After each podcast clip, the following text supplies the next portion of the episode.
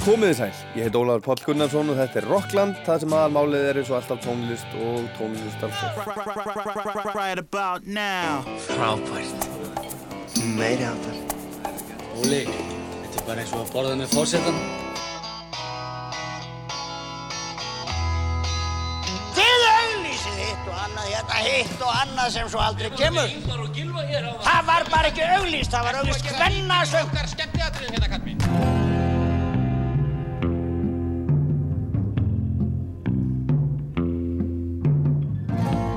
Í þættinu fyrir hálfu mánuði fjallaði ég um ferðina frábæru sem ég fekk að fara með í til Ameríku að rótum Rittmanns með félögum úr FTT, félagi tónskálda og textahöfunda í tilöfni af 30 ára ammali félagsins sem var reyndar fyrir tveimur árum en ammalisferðin var ekki farin fyrir núna í haust og það var farið sagt, að rótum Rittmanns, að rótum rittmískara tónlistar, country, blues, rock og jazz. Heimsóttar tónlistar borgirnar Nashville, þar sem countryið á heima, Memphis, þar sem Rocky fættist með Elvis og Jerry Lee Lewis og svo soul og funk, Clarksdale, þar sem Robert Johnson samdi við, við sjálfan Kölska á crosskótum, Sunsaga og New Orleans, þar sem Louis Armstrong og jazzin voru til. Louis Armstrong fættist og jazzin var til. Þátturinn í dag er hluta til framhald, við heyrum í sistrónum, dætrum Willie Mitchell sem eiga og reka Royal Studios í Memphis en þar hljóðritaði Al Green mikið á sínu tíma og Willie Mitchell þessi, hann uppgötaði Al Green, fann hann í Texas, tók hann með sér til Memphis. Keith Richards tók upp sína fyrstu sólarplötu í stúdíónu þessu, Royal Studios og Bruno Mars tók upp Uptown Funk og Mark Ronson alla plötunum sína Uptown Special.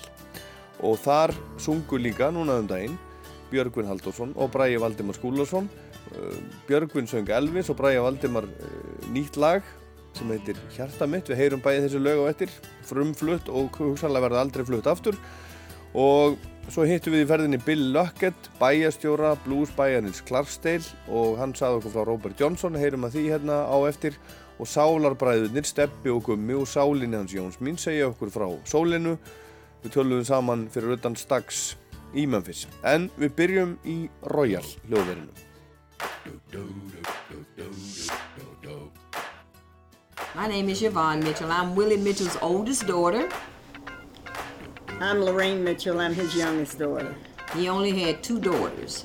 I'm the youngest. This is that ice cold Michelle fight for that white gold. This one for them hood girls, them good girls, straight masterpieces. Styling, wildin', living it up in the city. Got Chuck's on with Saint Laurent. Gotta kiss myself, I'm so pretty. I'm too hot. Fireman. I'm too hot. Make a dragon wanna retire, man. I'm too hot. Say my name, you know who I am. I'm too hot. And my that. Break it down. Girls hit hallelujah.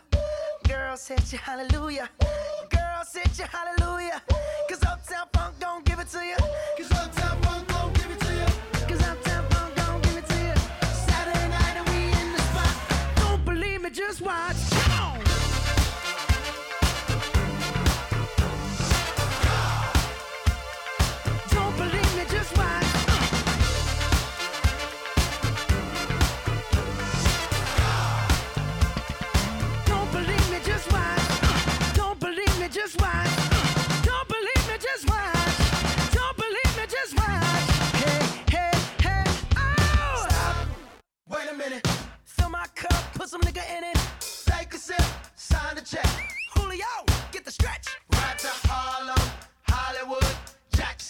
Mississippi. If we show up, we gon' show out. Smoother than a fresh drop. Skip it. I'm too hot. hot Call the police and the fireman. I'm too hot. hot Make a dragon wanna retire, man. I'm too hot. Bitch, say my name, you know who I am. I'm too hot. And my that money. Break it down. Girls hit hallelujah. Girls hit you, hallelujah. Girls hit you, hallelujah. Cause Uptown Funk don't give it to you.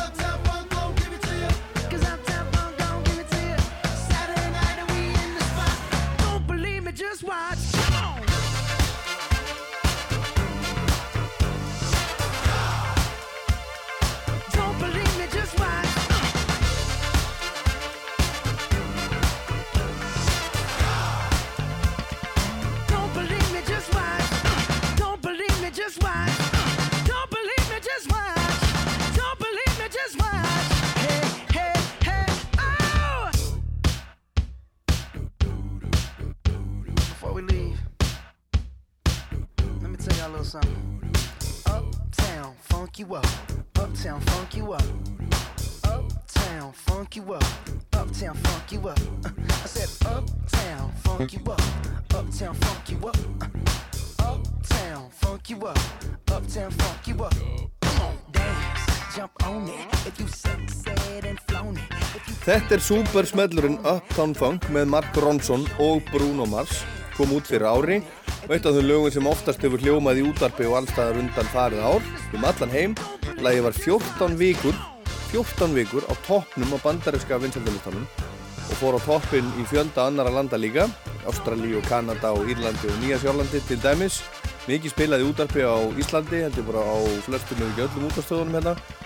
Og þegar spenningurinn var hvað mestur var læginu streymt næstum 5 miljón sinnum í Ameríku á einni viku. 5 miljón streymi í einni viku bara í Ameríku.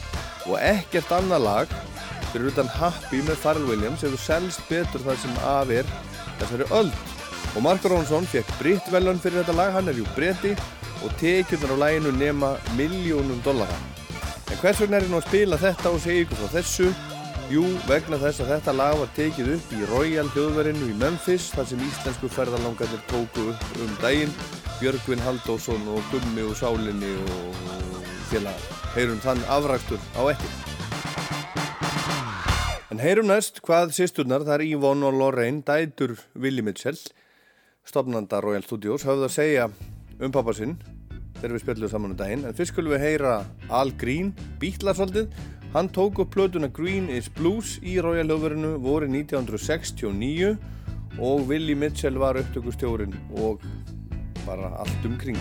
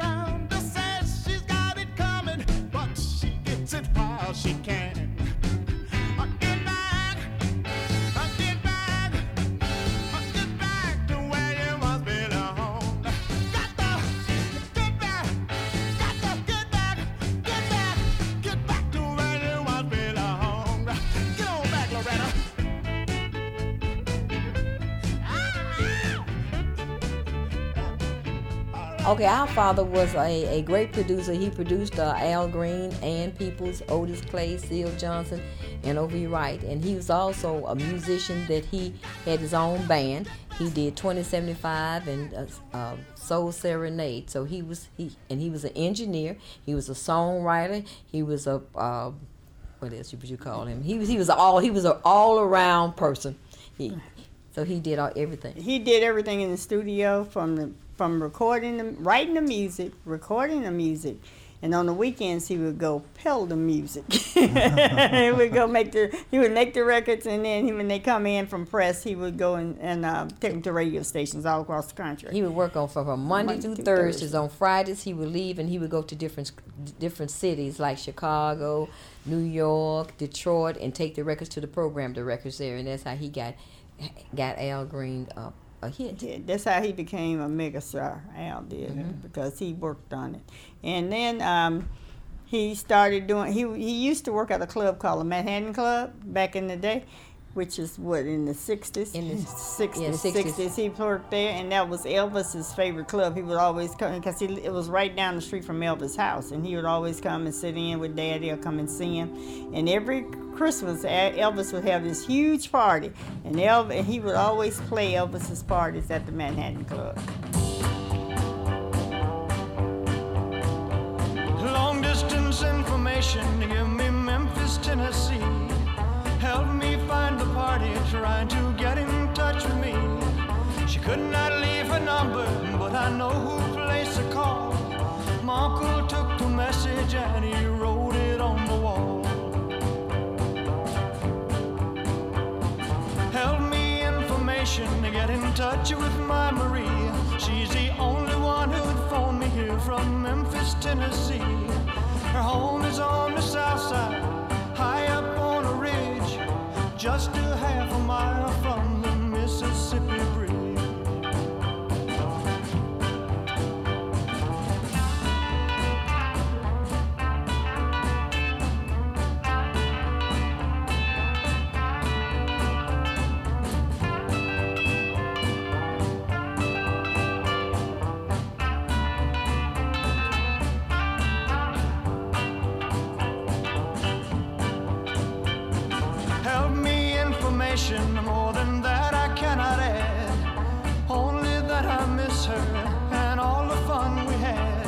But we were pulled apart because her mom did not agree. Tore apart our happy home in Memphis, Tennessee.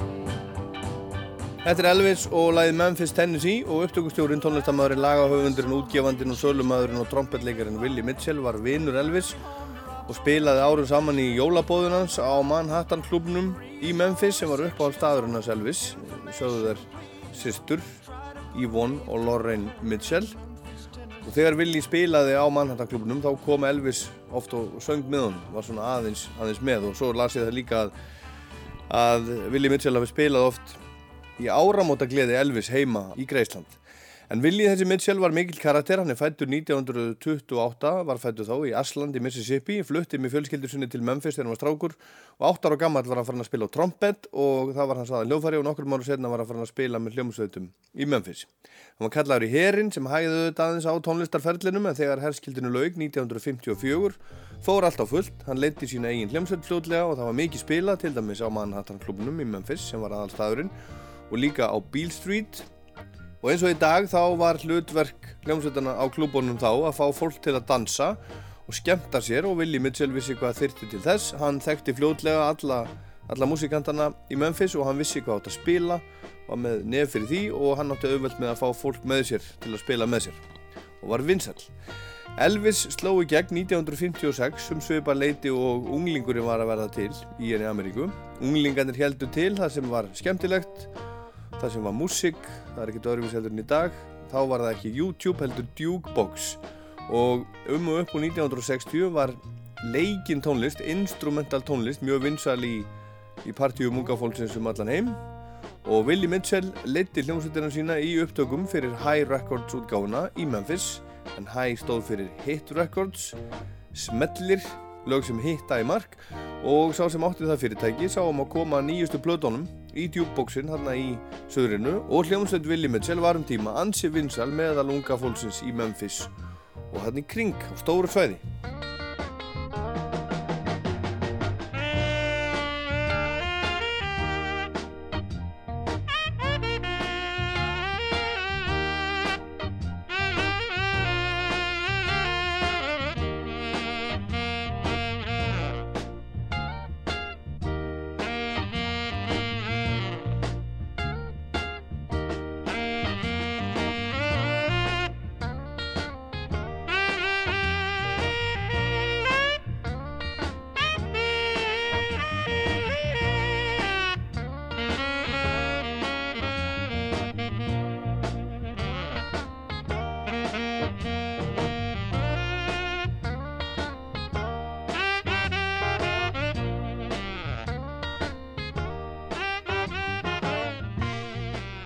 Þetta lag heitir Soul Serenade og þessu lagi í þessari útgáðu nákvæmlega kom hljómsveit Willie Mitchell í 2003. sæti bandaríska vinsældalistans árið 1967 og hann kom cirka 15 öðrum lögum inn á topp 100 frá 1964 til 76 það var sem sagt svolítið vinsælt og þetta uh, var þessi valdandi að þessi lög sem að komust voru spiluð í útarpi út um öll bandaríkin og það var þessi valdandi að Willi Mitchell var búið að ferðast og spila hér og þar um bandaríkin en þó aðalega í kringum svona sinn heimavöllarna í söðrinu.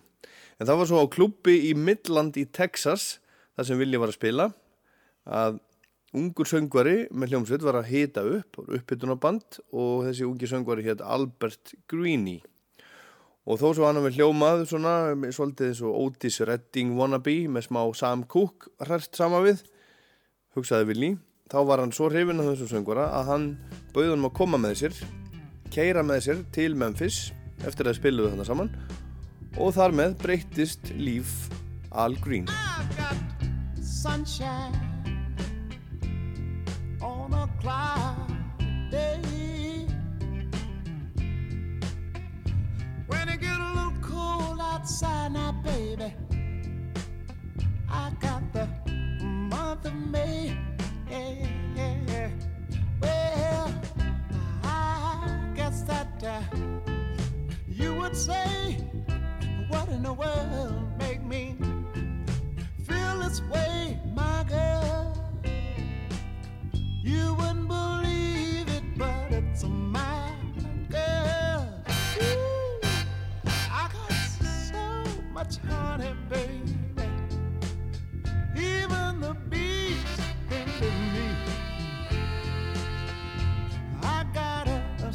Song. Than the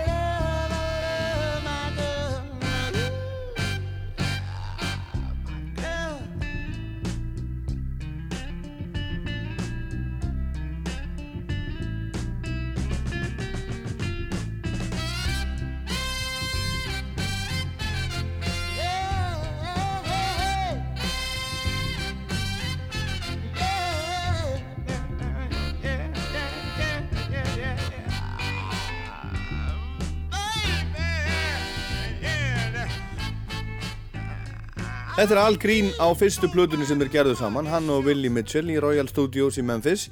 Þar sem íslenski hópurinn, félagar úr FTT og vinir þeirra voru að leita rótum Rittmanns um daginn, komum betur á því og eftir, en þessi plata Al Green kom út 1969, en lagið, þetta, My Girl, sem er eftir Smokey Robinson og félaga hans, kom upp á lút 5 árum fyrr með hljómsveitinni The Temptations. Til að byrja með söng Al Green bara lög eftir aðra og Willi Mitchell sem uppgötaðan, verður að orðað þannig, félst á endanum á að leifa hann að taka upp eitt af sínum eigin lögum. Þetta var ekkert, ekkert sjálfgefið, þau voru að klára einhverja upptökulótu, hann sagðist verið með eitt lag og sagði ok, við skulum prófa að taka það upp. Og það var nákvæmlega lagið sem hann sló í gegnið, Tired of Being Alone.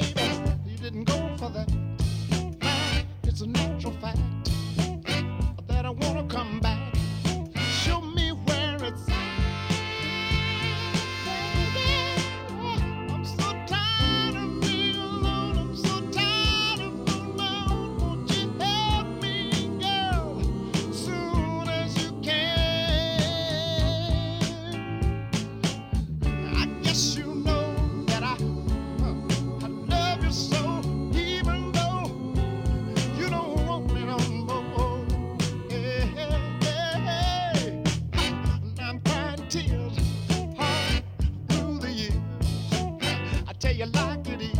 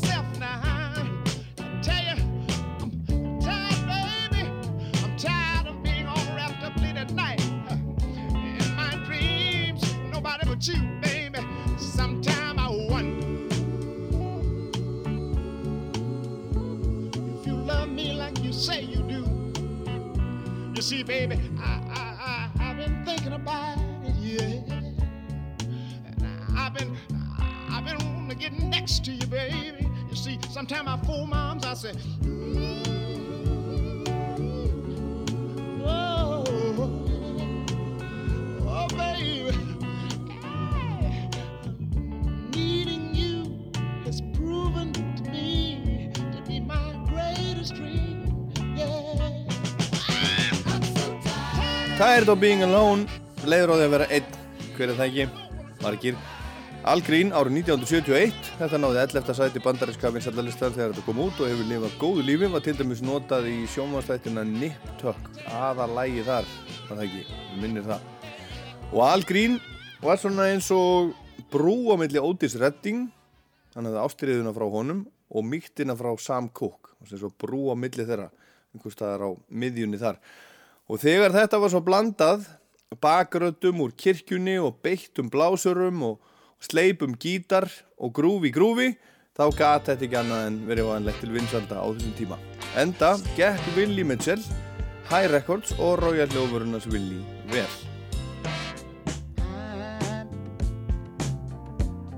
I'm so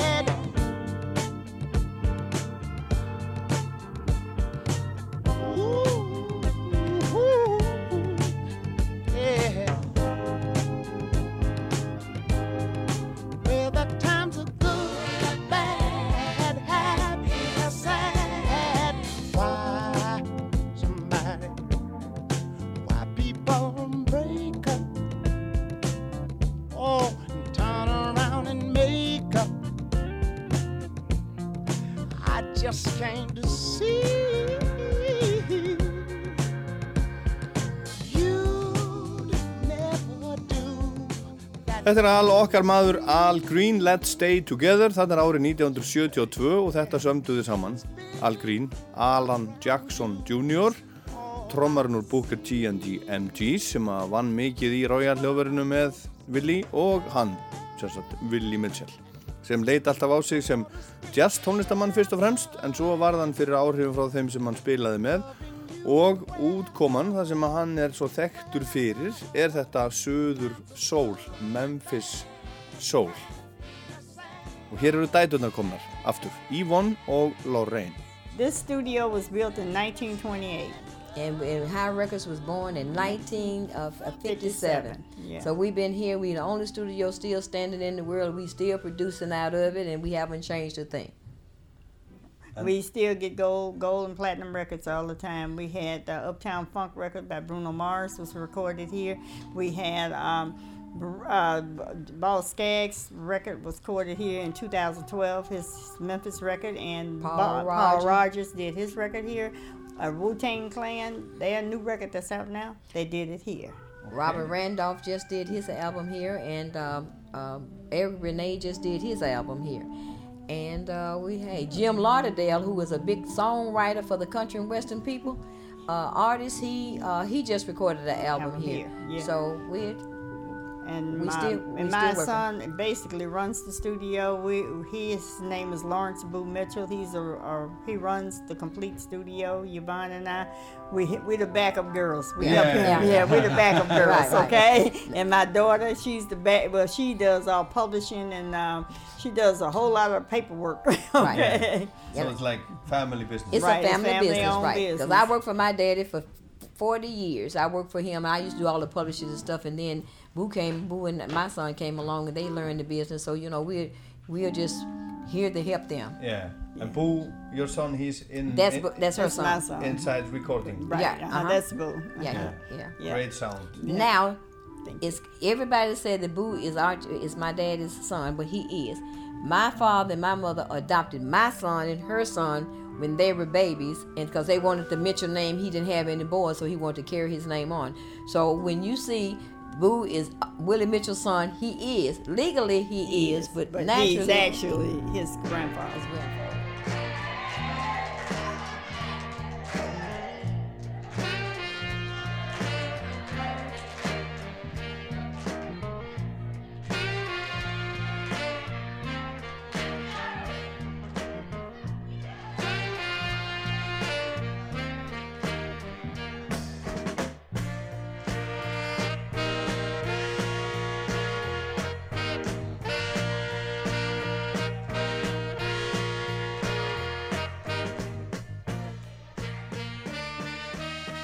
Þetta hérna, þetta er hljómsveit Willie Mitchell og Royal Studios sem að hann stopnaði var reynda stopnað áður en hann kom til sögunar, það var stopnað árið 1928 og High Records var svo til 1957, plötuútgáðan. Og hljóðverið er enn í fullum gangi og það er sýstur Yvonne og Lorraine, dóttir Willis, það var yngu breytt og það er svo sannarlega þannig og Royal er líklega elsta starfandi hljóðverð í heiminum í dag. Þegar maður kemur inn af, inn af gödunni, kemur maður inn í eins konar andiri eða svona hól sem er líka móttaka. Þar er skrippborð og skrippborðstóll og svo eru nokkri stólar þar fyrir aftan og, og þar, þarna setja þær, þær systur eða einhverja þeirra fólki og, og það er svarað í síman og svona og, og fólk bóði velkomið þegar það kemur inn. Og þegar við komum þarna, íslenski hópurinn, það var fullt af fólki þarna, það er tvær dóttir annara þeirra sem að sér um bókanir og markasetningu og allt það fyrir stúdíóð í dag. Fimm ára gammalt sonur hennar og svo eitthvað fleira fólk, líklega úr fjölskyldunni. Og það var þarna í andirinu sem að við spjöllum saman, ég og þær systur. Og það er talsvert að gera í Royal, Boss Gags. Tóku plötu þarna fyrir stöttu Wu-Tang Clan hefur verið að taka þarna upp nýlega og Paul Rodgers, gamle söngvarinn úr Free og Bad Company sem að tók sér hlutverk Freddie Mercury í Queen plus Paul Rodgers fyrir nokkrum árum og gerði meðal hans með þeim plötu. Hann tók upp plötu sem að koma út í fyrra í stúdíónu og heitir bara The Royal Sessions. Og þar syngur hann lög frá þessu svæði sem hafðu áhrif á hann og hann heyrði þegar hann var að hefja sinn feril ungu strákur frá Middlesborough með stóra drauma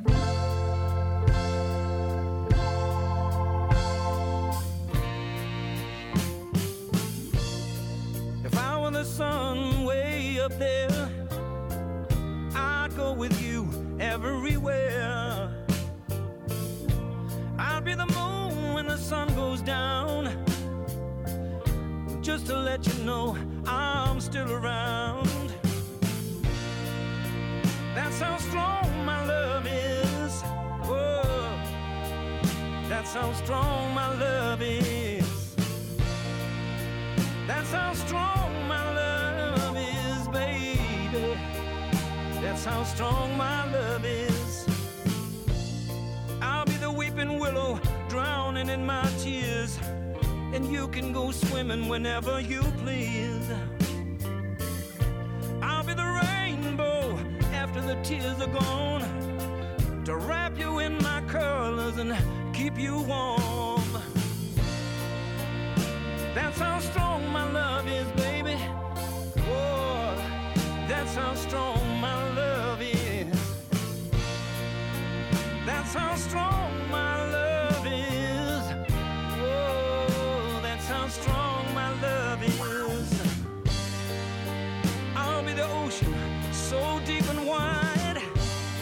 catch all your tears whenever you cry. I'll be the breeze after the storm is gone to dry your eyes and love you.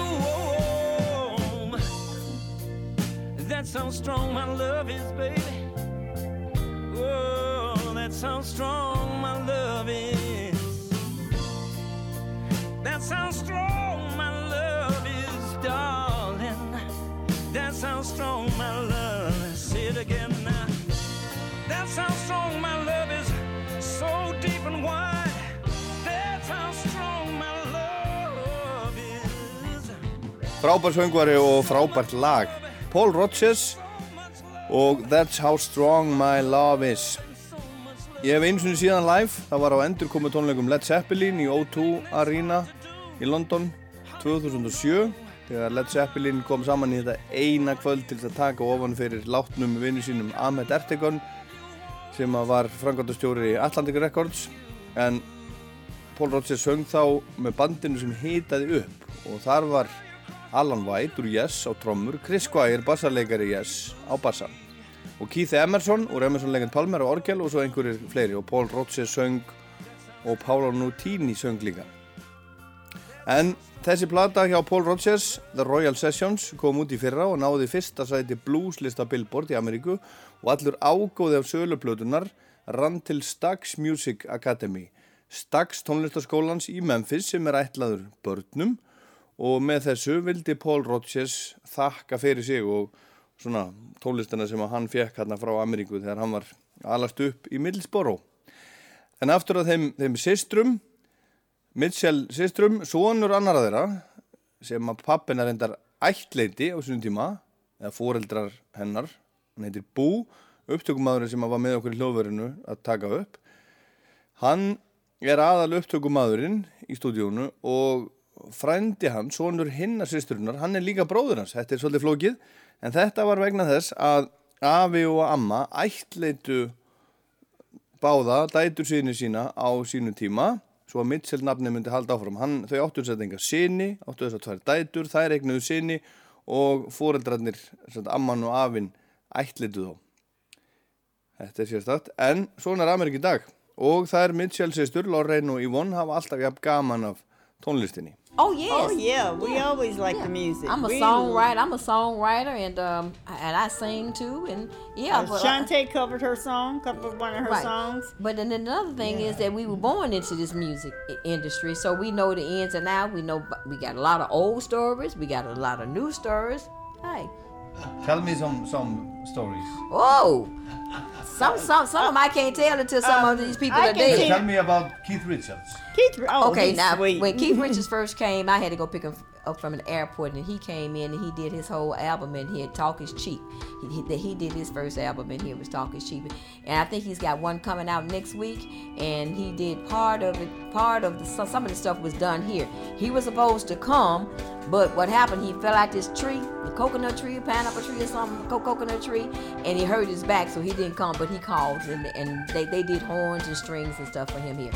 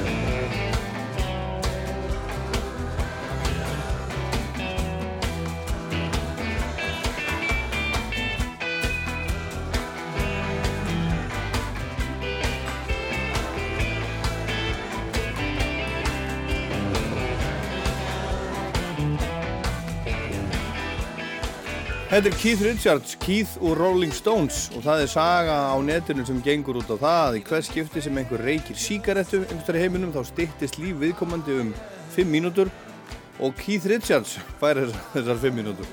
Fólki finnst þetta ólíklegt eftir, eftir lifnaðin á honum að hann sé á lífi. En svo getur vel verið að hann fari miklu betur með sig en maður heldur. En kannski ekki svona útlitið segir að hann er búinn að reykja kannski meira heldur en mjög margir. En þetta lag heitir You Don't Move Me og þetta er af fyrstu soloplötunan sem heitir Talk It's Cheap, kom úr 1988 og hún var öll tekin upp í Royal hljóðverinu hjá Willie Mitchell og dætrum hans og önnur þeirra fór einmitt á flugvöllin að sækja hann á sinu tíma og hann var svo elskulegur, segir hún, æðislegur. Og nýja platan hans sem er nýkomin út, þriðja soloplatan, svo fyrsta í 23 ár var að koma út, heitir Cross-Eyed Heart. Hún átti að vera tekin upp í Royal líka, hann ætlaði að koma í Royal en það gekk svo ekki, þetta var á þeim tíma þegar hann datt úr kókosnetu trénu og rifbeins brotnaði, hann er sérst búin að vera mörg ár að gera þessa, þessa blötu í rauninni. Og hann datt úr einhverju trí eða hvernig það hann var. En það voru samt teknir upp einhverju partar á blötuna, þarna í Royal, blástur, brass. And what is it about this place that, that the artists like? Well, I Why do feel they come here? I feel that it's the clarity of the music of each instrument you can hear. You can listen to listen to a Bruno Mars record. Listen to his record. You can hear the cl- the clarity in it. I mean, every instrument you can hear. You can hear every horn, strings, whatever he used on that, you can hear it because it's the room itself. It's not the equipment. It's never in the equipment. People think it's the equipment. It's the room. It took my daddy five years to get that sound. It's the sound. They come here for the sound. It took him five years to get it, and before he passed away, he he, he taught Boo how to tune the room up. But uh, everybody thinks it's the equipment, but it's not. It's it's how the it's how the studio is laid out, where you get that sound. Because he created the Memphis sound, and he created Stack sound. He created uh, He created the whole Memphis scene, scene, but right. except for Elvis. He didn't create Elvis. Elvis, Elvis, right. created Himself. himself, okay? but he did do the Memphis, the, the black side of it. He did the Stacks. He did the Royal. But he created know. the, he he created the Memphis sound. Right. And um, the most important thing is that uh, Steve Jordan said it best. You can't get the sound nowhere on Earth, not even on another planet.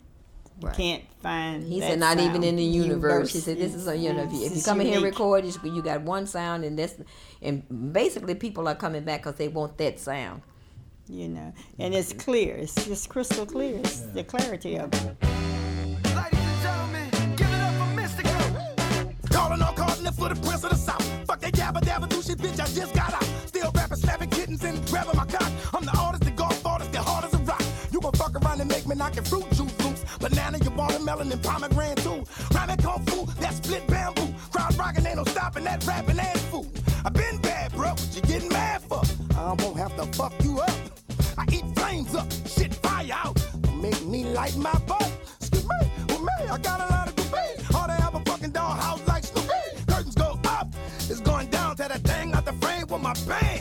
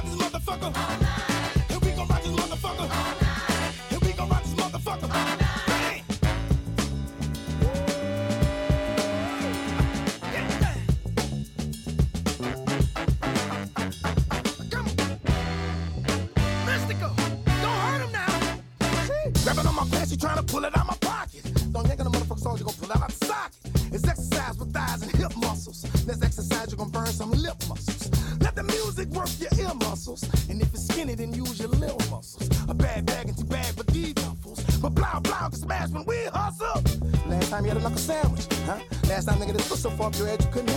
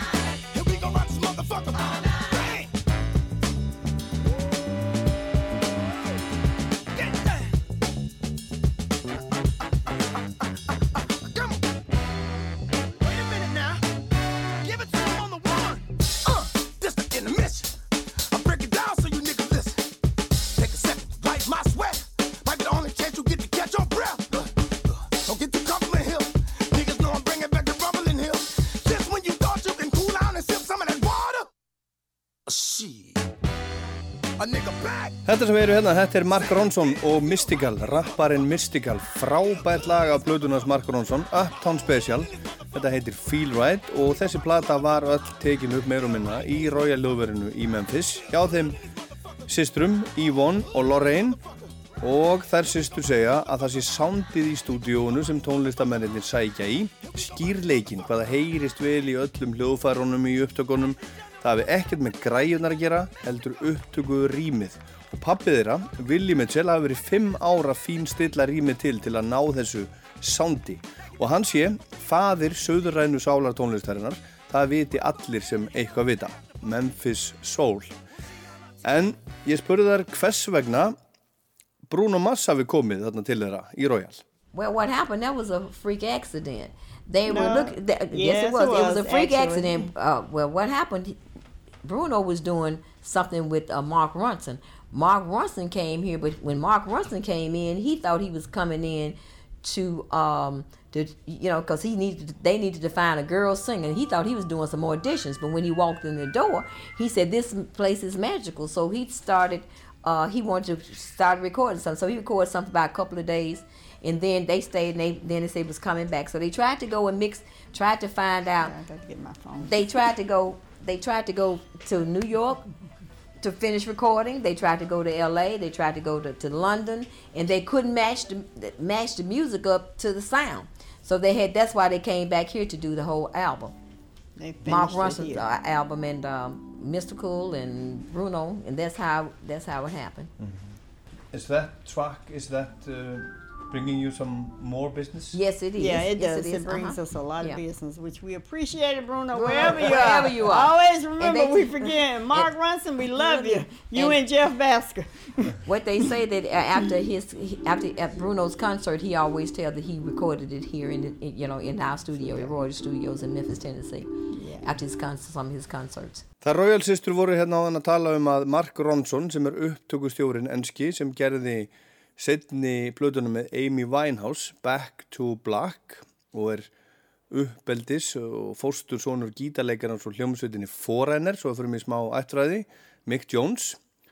Og hann er líka vinur Yoko Ono og Sean Lennon hann Mark hefur verið hérna á Íslandi með þeim borðað á bæjarins bestu og farið í sund. Svo eitthvað sem nefnt var, var með þeim plastikónabandinu á sjötu sammælist tónleikum Lennons í háskóla bíói fyrir nokkrum árum.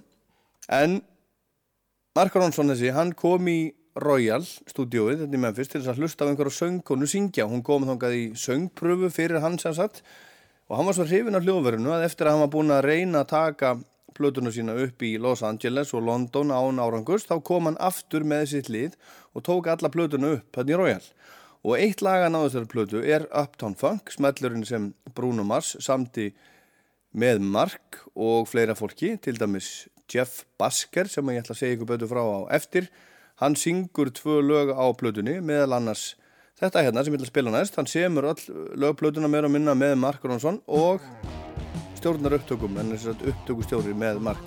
Og það sem að mér finnst nú merkilegast við þetta alls saman er að mamma þessa Jeffs og mamma mín voru saman í bekk í grunnskólanum á Akaranesi in the 60s.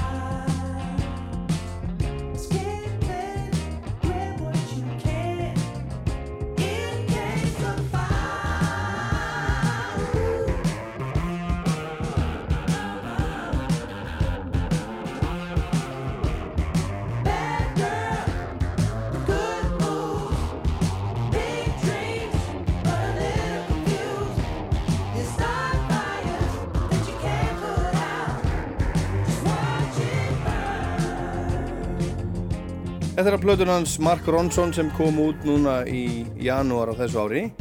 Heitir Uptown Special og þarna er Mark ásamt Jeff Basker, hann er að syngja þarna.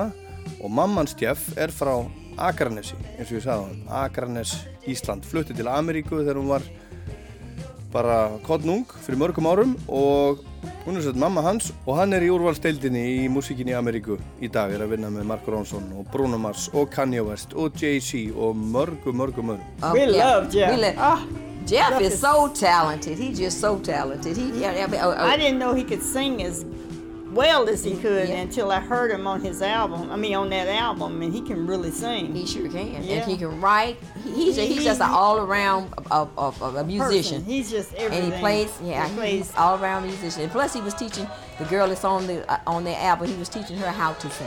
So he is he's a he's an all around musician.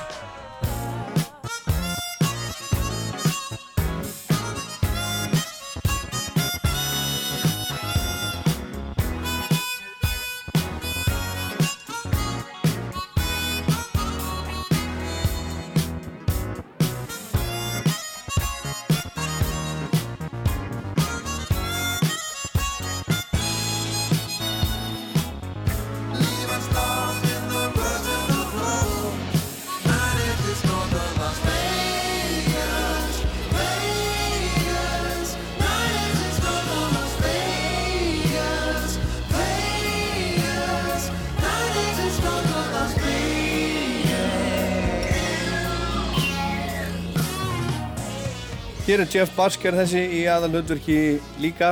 Til loka lægið á blötunni hjá Mark Ronson Uptown Special. Það heitir Crack in the Pearl Part 2 og þarna er Stevie Wonder líka. Þetta er svo Mark Ronson, Jeff Basker og Stevie Wonder. Við höldum áfram með Rockland að rótum Ritmans hérna rétt á ettir og heyrum þá Björgvin Haldásson syngja Elvis í Royal Studios og nýtt lag sem hefur aldrei hefst áður sem að Bræði Valdimar Skúlason á mestan heiðurinn af sem íslenska supergrúpan tók upp í Royal. Þar er samankomin Roxveit Rúna Júl, Deep Jimmy and the Sepp Creams Sálunars Jónsmíns, Hjaltalín og Stöðmenn og Björgvin. Missið ekki af því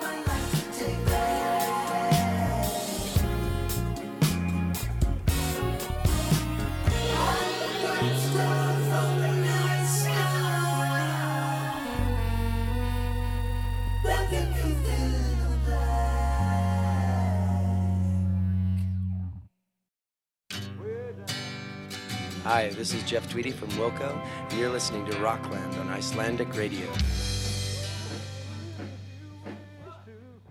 Never let me cross your mind.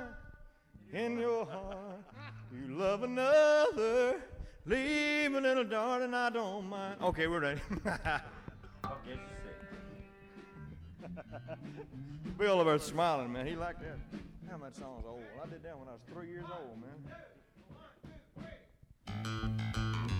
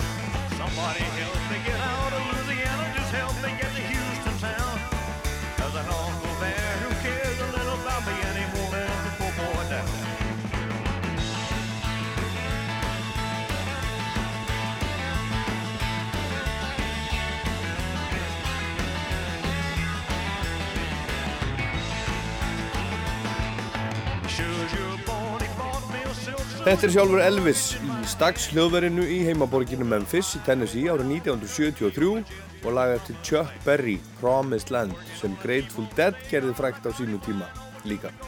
En þetta er Rockland, ég heit Ólafur Páll og er leiðsögumæður í dag í leitinni að Rótum Rittmans. Fyrir hálfu mánuði var ég í Ameríku með góðum hópi af íslenskum tónlistamönnum, laga og textahöfundum, félagum úr FTT, félagi tónskálda og textahöfunda, Björgvin Halldórsson var þar, Jakob Fríman Magnússon stöðmaður var farastjóri, Gummi og Hjörtur úr Hjaltalín voru þarna og það kom í ljós að þeir eru miklir Elvis aðdáendur, þeir geti heyrt allt um það í Rocklandunum sem var fyrir tveimur vikum, sem var í rauninni svona fyrir hlutin að þessu. Má finna það í sarpinum og, á, og í hlaðvarpinum. Þarna var tannlæknirinn og tónlistamæðurinn Heimir Sindrason sem var samti Hótel Jörð, Steppi og Gummi og Solan Sjónsmíns, Júli og Baldur, sinni Rúna Júl, Bræði Valdimar Bakalútur og Kitty Hjálmur, Hannes og Leim Dúts, Jónas Björgvinsson sem á hljóðver.is og vinir þessa fólks, konur og vinir.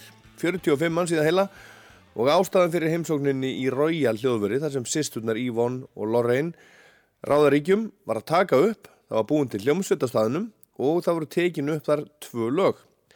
Upptökustjórin sem var að vinna með okkur eða þeim af Íslandingunum sem að voru að taka upp, hann Bú, sonur annarar Mitchell sýstra og ættleitur sonur Willi Mitchell, var sá sami og vann með Mark Ronson í Royal og Bruno Mars og Robert Plant þegar hann kom nángað fyrir 2-3 árum að taka upp og svo mörgum, mörgum, mörgum öðrum í gegnum tíðina. En þá var sér að sett saman hljómsveit í einu grænum, Júli, Sónur, Rúna, Júl og Trommur, Jakob Fríman og Orgel, Hjörtur og Hjaltalín á piano, Gummi, bassalegar og Hjaltalín á bassa og Gummi og Sálinni á gítar. Og Björgvin söng, það var ekkert æft, það var bara talið í og hér er þetta, frumflutningur og bara spilaði þetta eina sinn að minnst ekkurst í bíli. Þetta er raun bara eins og, eins og demo, þetta er óunnið. Björgun Halldórsson spilar á kassagítar og syngur Elvis.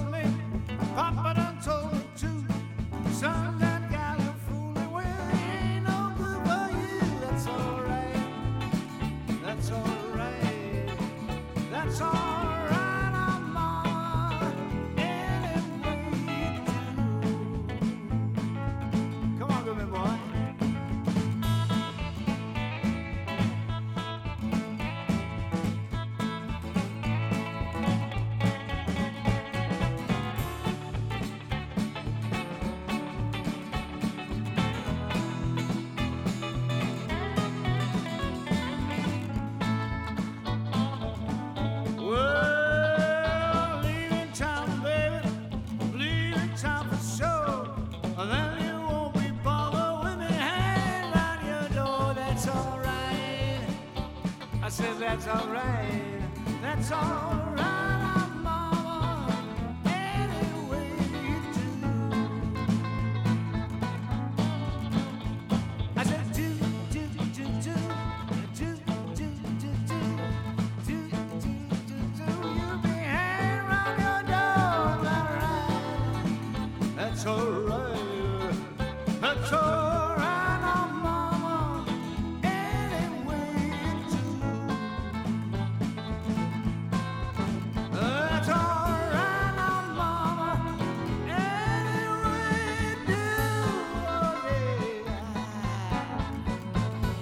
Þannig var það, Björgvin að syngja Elvis í Memphis í Royal Studios og þarna fannst engum leðilegt. Heldur betur ekki, þetta var ótrúlega skemmtilegt.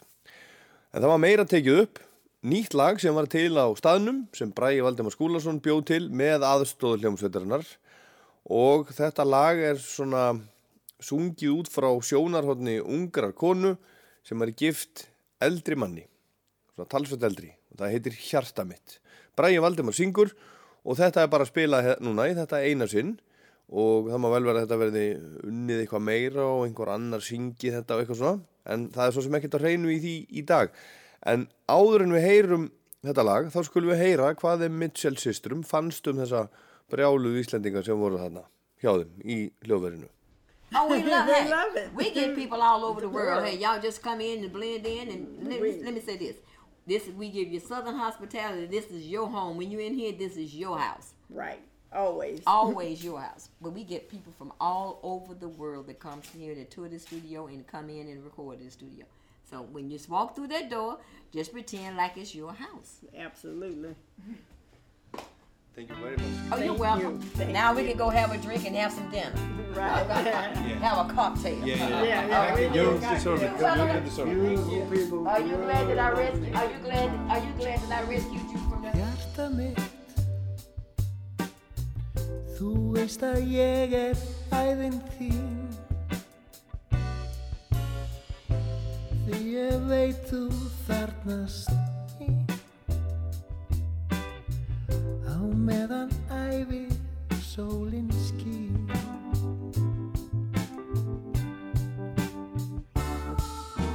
Hjarta mitt Þú veist að ég verð lífin þín Og þú mátt leita inn til mín. Á meðan æsku blóminn dvín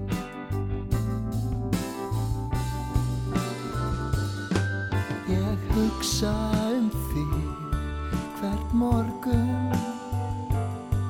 Ég hugsa um þig hver kvöld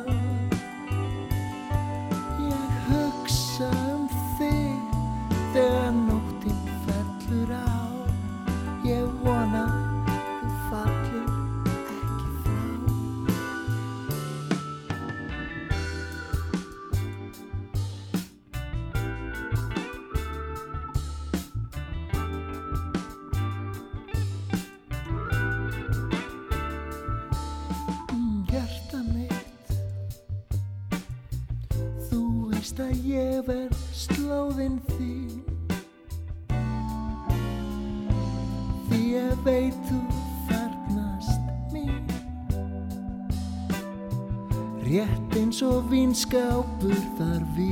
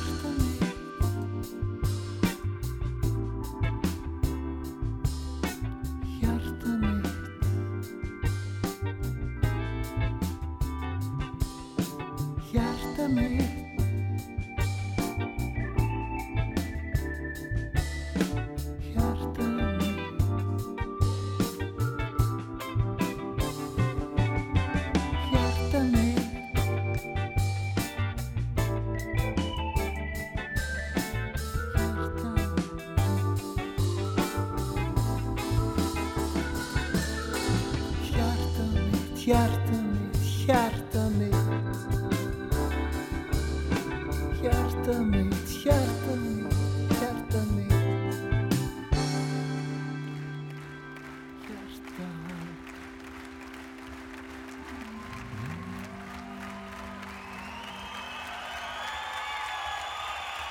Og það er klappað og það er klappað og það er klappað. Bræði Valdimar og nærsveita menn í Royal Studios í Memphis og splunkunillæði sem var til hérna á staðnum. Og kannski eftir að verða, kannski verður þetta bara eitt vinsalasta lægið á Íslandi einhvern tímann, maður veit ekki. Hjarta mitt.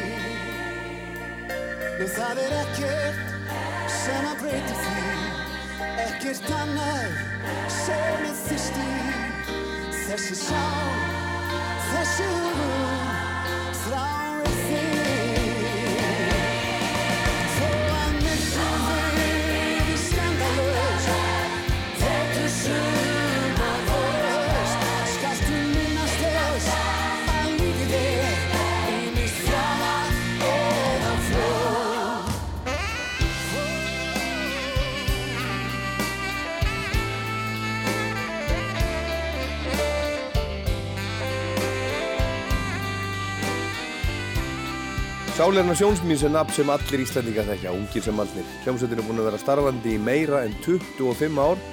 Hann heitir Jón sem stopnaði hljómsveitina, Jón Ólafsson og Sálerna sjónsmýns er vísun í gamla íslenska þjóðsögu sem fjallar um kærlinguna sem drefur kallin sinn og tekur sálernans í skjóðu upp að gullna hliðinu og freistar þess að kominu þar inn. Þannig er þess að nafnið komið, Sálin hans Jónsmýns. En alls ekki engöngu, málið er að Sálin var sett saman uppháflega í þeim tilgangi að spila sól tónlist, sálar tónlist. Og eitt stoppið í ferðinni að Rótum Rittmans í Memphis var Stax Museum, þar sem sólið fættist um 1960. Á mála hjá Stax voru Sam og Dave, Otis Redding, Booker T and the MGs, Wilson Pickett, Isaac Hayes og fleiri frumkvöðlar þessari tegundar tónlistar, sól tónlistarinnar. Og þetta lag hérna, ekkert breytir því, flutt hér í Laugardalsvöld með Gospelkór Reykjavíkur, Sálin og Gospel, er undir sterkum sól og gospel áhrifum og það er nú heldur betur tenging þar á milli. Það má segja að uh, sól hafi orði til þegar gospel og country tónlist runnu saman. Það er sömurilega mest kosti að menna það. En 20-25 árum eftir sólbylgjuna frá Memphis, sem vart var um allan heim, stopnuðu ungi strákar úr Reykjavík og Skagaströnd hljómsveit, buðu upp á sóltónlist, engöngu, sálina sjónsmís. Það var svolítið erfitt, já. Þetta var fyrir sko, tíma hérna, þegar commitments myndin kom hérna. Já, það brast á svona æði, sko. sólæði, svona nokkrum ára síðar. Sko. Okay. En við, þetta, við höfum rosalega gaman að spila þessa músík og þetta voru með söngar sem gætt sungið þetta sko. og hérna, það er nú ekki allra færi og, og það bara strax við töldum í sko, þá voru það allir smittaðir og, og með auðvitað bara svona sól, hérna, sól elskendur frá lífstíð sko. En þið eru uh, löng, löngu hættir að spila þetta ekki? Þetta kemur alltaf inn, alltaf inn á milli í okkar orginal músík. Við hættum að spila hérna ábreyður hvað, 2003-2004. En það má alltaf finna, sko, eins og ég, við getum bara nefnt nýjasta læðið okkar, Já. sem við gerum í sumar. Vestmanniða læðið, það er svona sól stemning í því, sko. Það er blástur, lúrablástur og þannig það er alltaf svona, það er aldrei eitt vola djúft á þessu. Við höfum- hljóðrindað í mörg svona sólskotin lög, sko.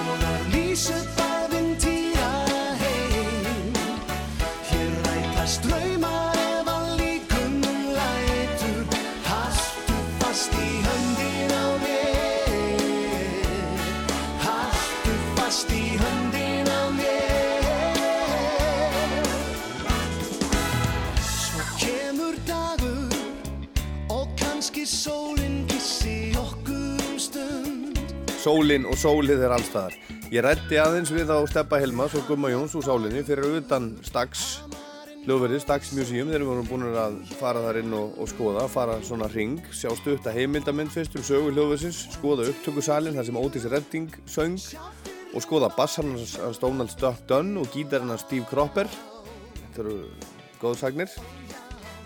En þetta er sálinn og eigalagið, þjóðháttíðalagið í ár, haldur fast í höndina á mér, sem er undir sterkum áhrifum frá upphafinu, sólinu. Við höfum haldið svolítið trið við, við okkar rætur þannig. Þetta kemur alltaf aftur og aftur. Það er bara núna síðustu fimm árin hafa tvö svona lög sem eru úr þessum ranni sko. Já. Sem ég man eftir svona í svipin sko. Þannig að og þetta grúf og þetta, þessi gleði og þetta spila fyrir dansi sko. og hérna að, að sleppa sér lausum. Þetta hefur verið svolítið eitthvað sem við, hérna, einnkjært sálinna, sko, þeir sem hafa nú komið á, á tónleika hjá okkur. Það er stanslust keisla, gleði, dans og, það er bara grúf. Það er verið að vera að hreyfa sig.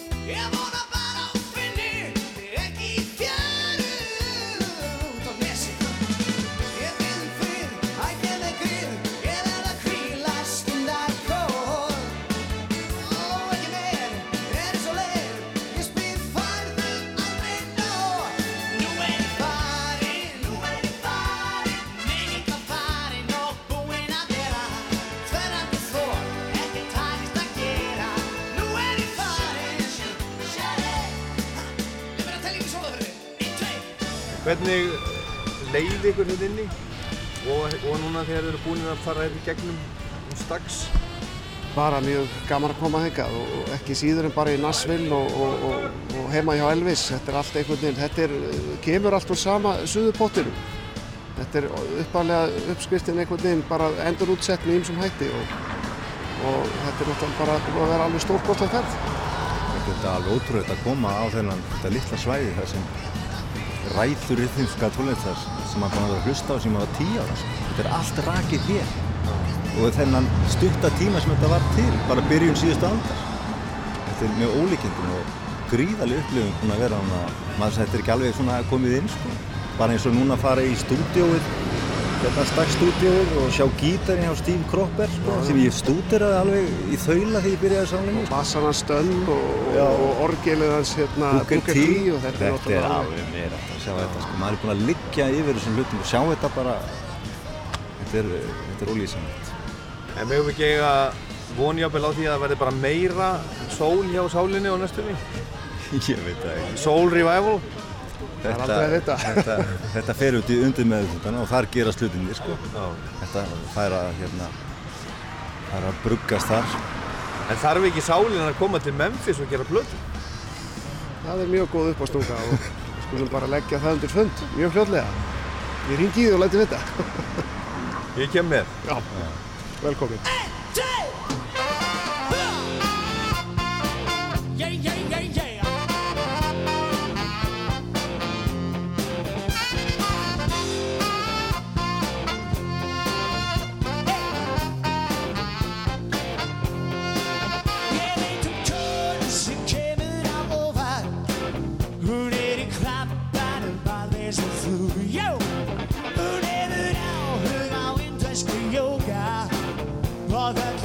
peace and I leave.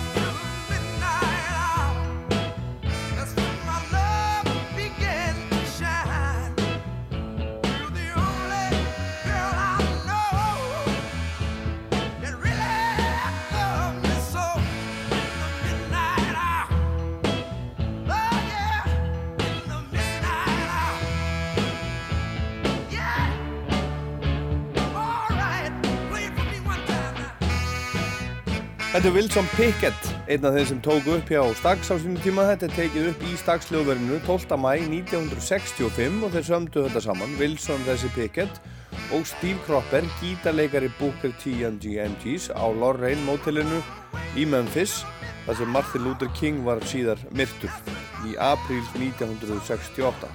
Þetta lag náði fyrsta sæti R&B lista Billboard á síndjuma en 21. sæti stóra poplistans, vinsælda listans stóra í Ameríkunum og, og sem sagt fyrirmynd Gumma Jóns uppáhalds gítarleikarna sem hann stúdiraði á uppáhaldstögum sálarinnar.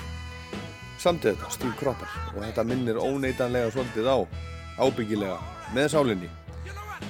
En þetta minnir líka á annar lag sem var hljóðrindað í Memphis rindar í Sun hljóðvernu 1987 um 20 árum eftir að Wilson Pickett tóku þetta sitt ektasta lag, eða Midnight Hour. Eða hvað segir þér?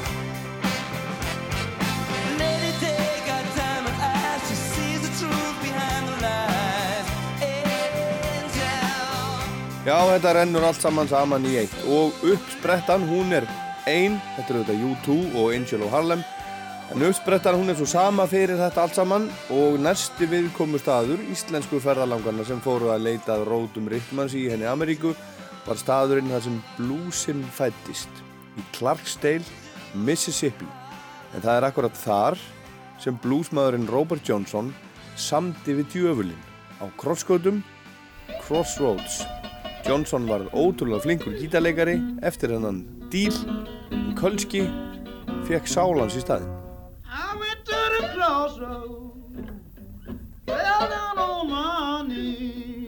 I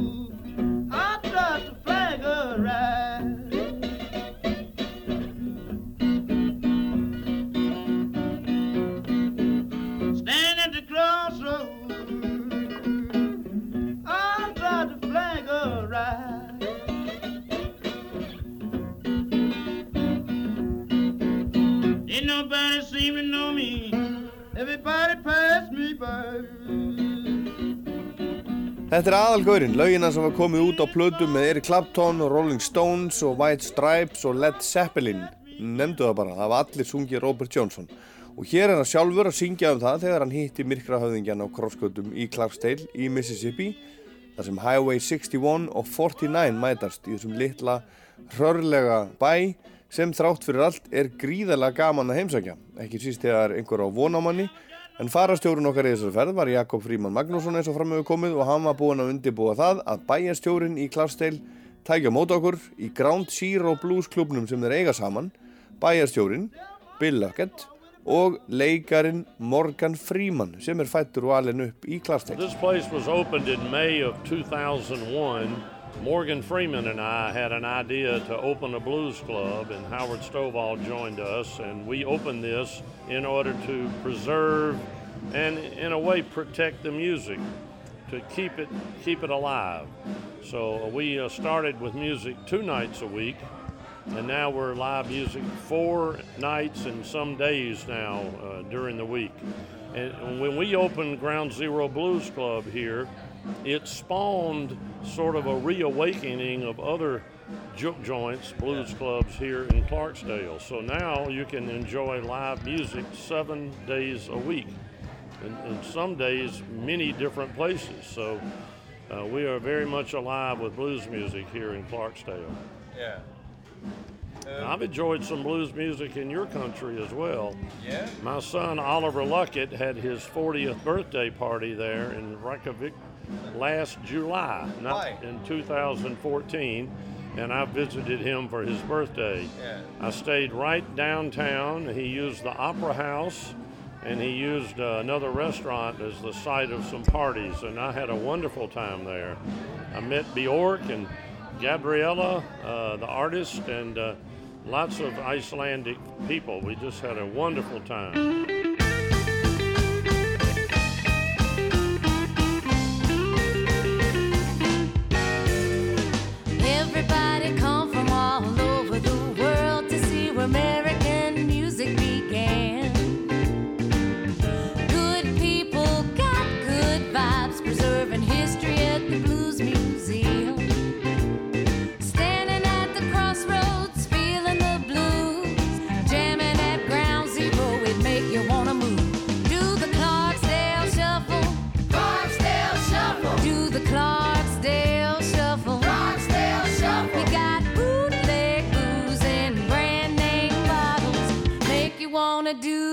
The Clarksdale shuffle.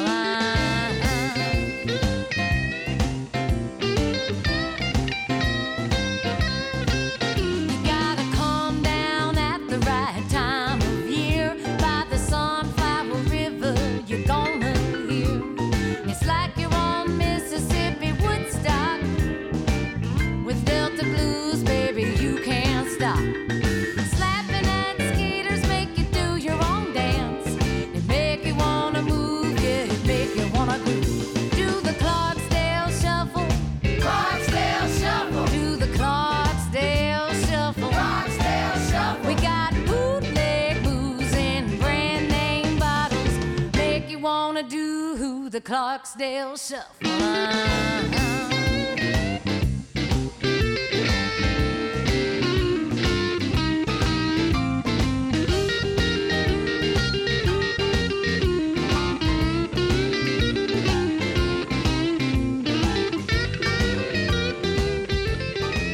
Dömur mínur og herrar þeirra hlusta á Rockland á Ráftögi, ég heit Ólafur Páll og við erum stödd í Clarksdale í Mississippi og þessi stelpa sem að er að syngja hérna fyrir okkur heitir Heather Crossy var að spila á Ground Zero Blues klubnum í Clarksdale þegar við komum þangað. Íslensku, íslenski hópurinn og daginn, íslensku tónlistamennir höfundarnir úr FTT hún spilaði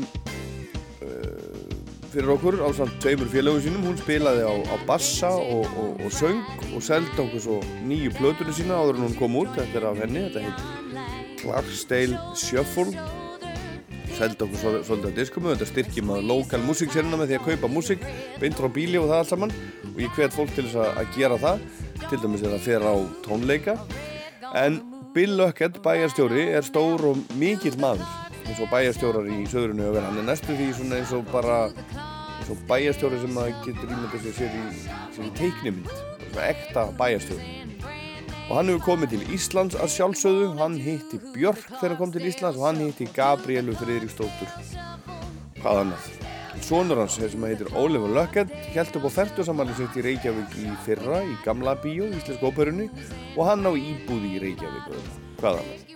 En í bænum hans Bill, Clarksdale búa í dag um 18.000 manns en þar er hann fættur og alin upp. Og þar fættust líka Sam Cooke, Nate Dogg, John Lee Hooker, Son House og Ike Turner svo einhverju séu nefndir. Það er mikil músiksaga þarna í Clarksdale. We are becoming a big tourist destination here in Clarksdale. I just read about us in Lonely Planet, the tour book. It said Clarksdale it should be the base for all the travel in this area in the Mississippi Delta where the blues music originated. Uh, if you've heard of blues musicians, John Lee Hooker was born here, Ike Turner was born here, even Sam Cooke was born here. Muddy Waters lived here. All the blues greats played here at some time in their lives.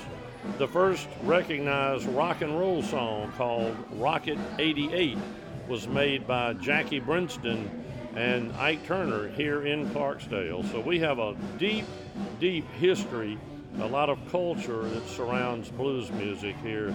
And this is our gift to the world, this music. You know, we we gave it to the Brits in one way, and they brought it back to us back in the 60s and 70s. And uh, it, it's been uh, the foundation of just about every modern music genre, blues music.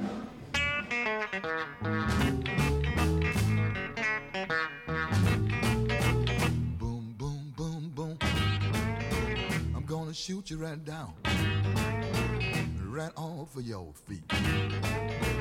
Take you home with me, put you in my house. Boom, boom, boom, boom. Mhm. Mhm. I love to see you walk up and down the floor.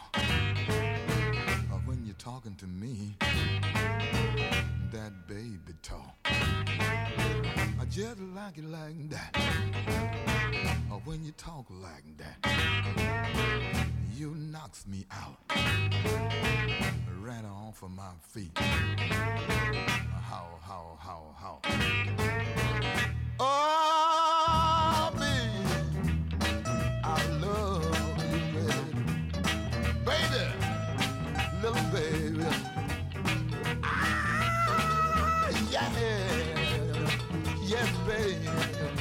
Shake it, baby. Shake it, baby. Shake it, baby.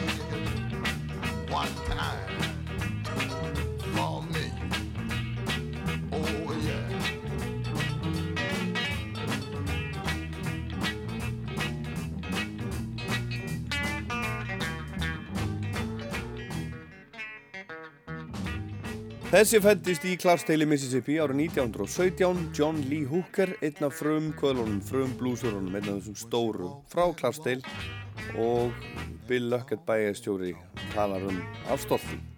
og hann segir að ferðamannaströymurinn sé aukast til bæjarins núna á síðust árum eftir að hann og Morgan Freeman vinnur hans og, og einn vinnur þeirra til viðbútar saminuðust um að opna þennan stað Ground Zero Blues Club og það hefur orðið svona bluesvakning í bænum í kjálfarið og það er hægt að hlusta á blues öll kvöld vikunar í Clarksdale, annarkvort hjá þeim eða á öðrum svona búllum og þetta er búlla, þetta er stór búlla uh, svona bjór og hambúrgarar og franskar og svo leiðis og blues.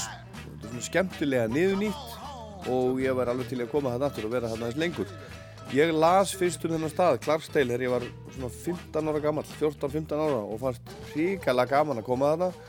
Og þarna gerðist þetta allt saman. Robert Johnson seldi djöflinum sál sína.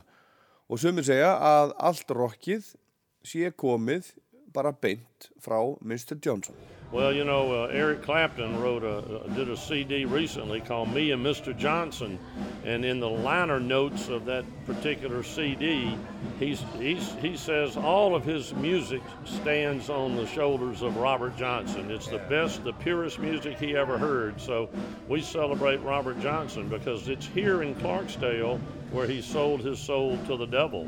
This is the crossroads, Yeah. the famous crossroads here in Clarksdale. And is that a true story? Absolutely. No doubt about it. Early this morning, knocked upon my door. Early this morning, you knocked upon my door.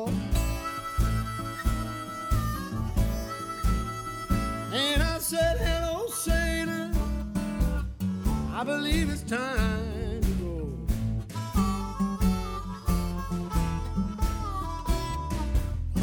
Me and the devil were walking side by side. Me and the devil were walking side by side.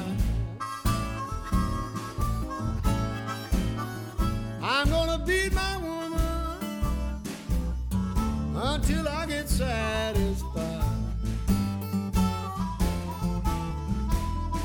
She said you don't see why that I'm a dog around. My baby, you know you ain't doing right. She said you don't see why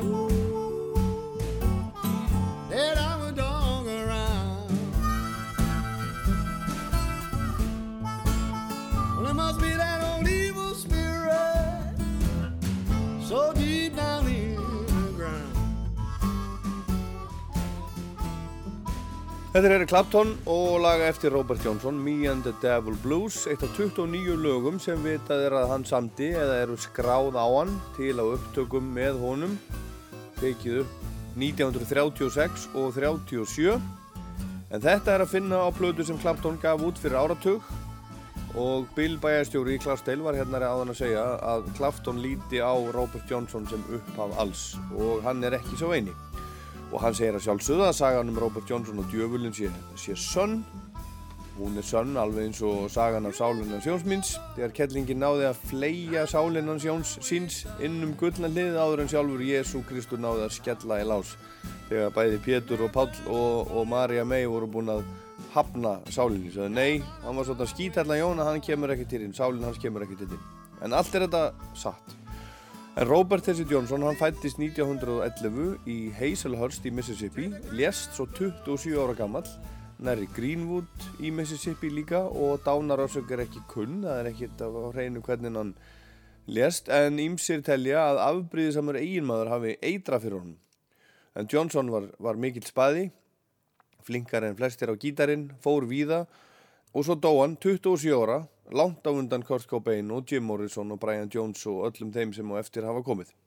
Og hann Billvinnur okkar segir að það sé reynd að halda utanum söguna í Clarksdale Blues söguna í skólanum. We have a Delta Blues Museum right out of our front door that has a music program that teaches the children.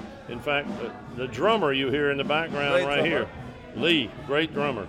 He, he teaches there and he went to school there. And then we are now introducing blues as a course in our schools, especially at a nearby university called Delta State University. They have a curriculum now with a minor. You have a major and a minor. and a minor in blues. So it's very good that we're, we're keeping it in the education process as well. And there is a mobile unit that goes, uh, a bus that has a recording studio in it, and it comes to Clarksdale and other cities here in the Delta to teach children to play and how to record and produce music. So uh, we're we're keeping the blues alive here in a big way. Followed her to the station with a suitcase in my hand.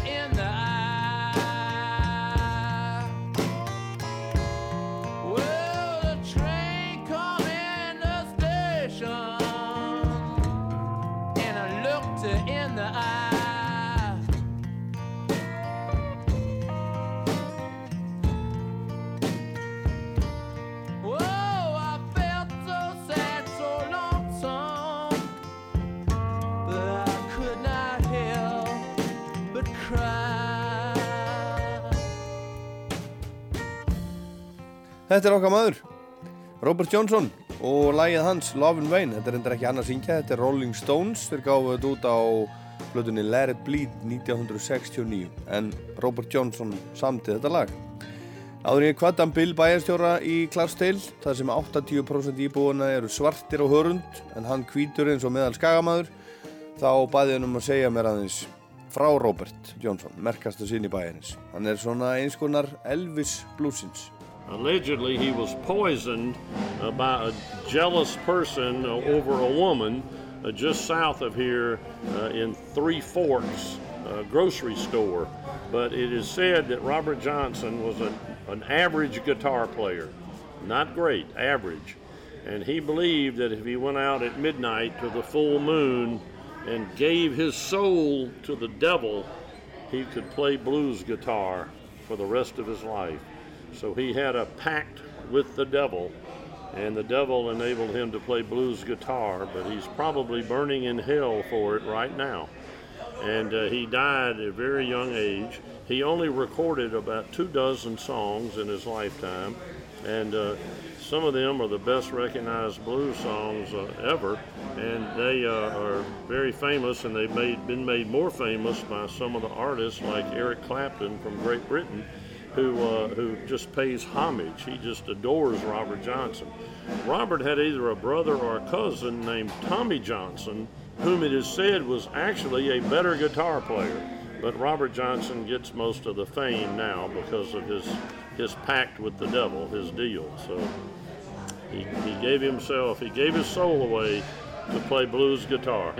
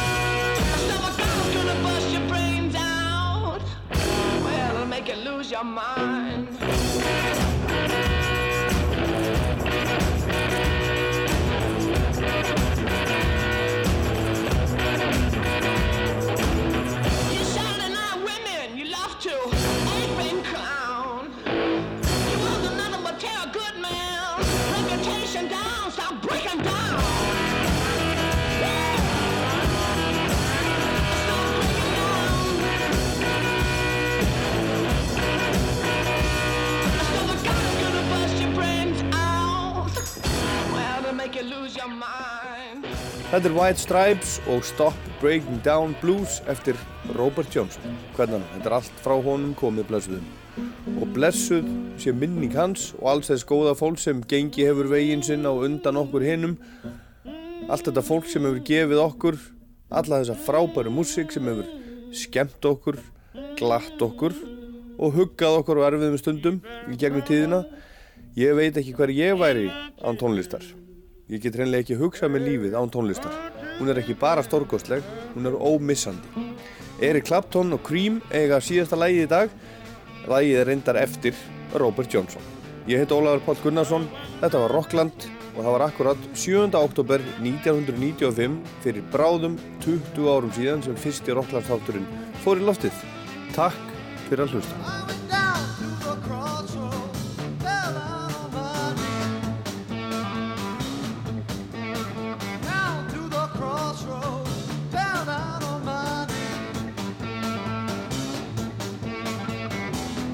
That's all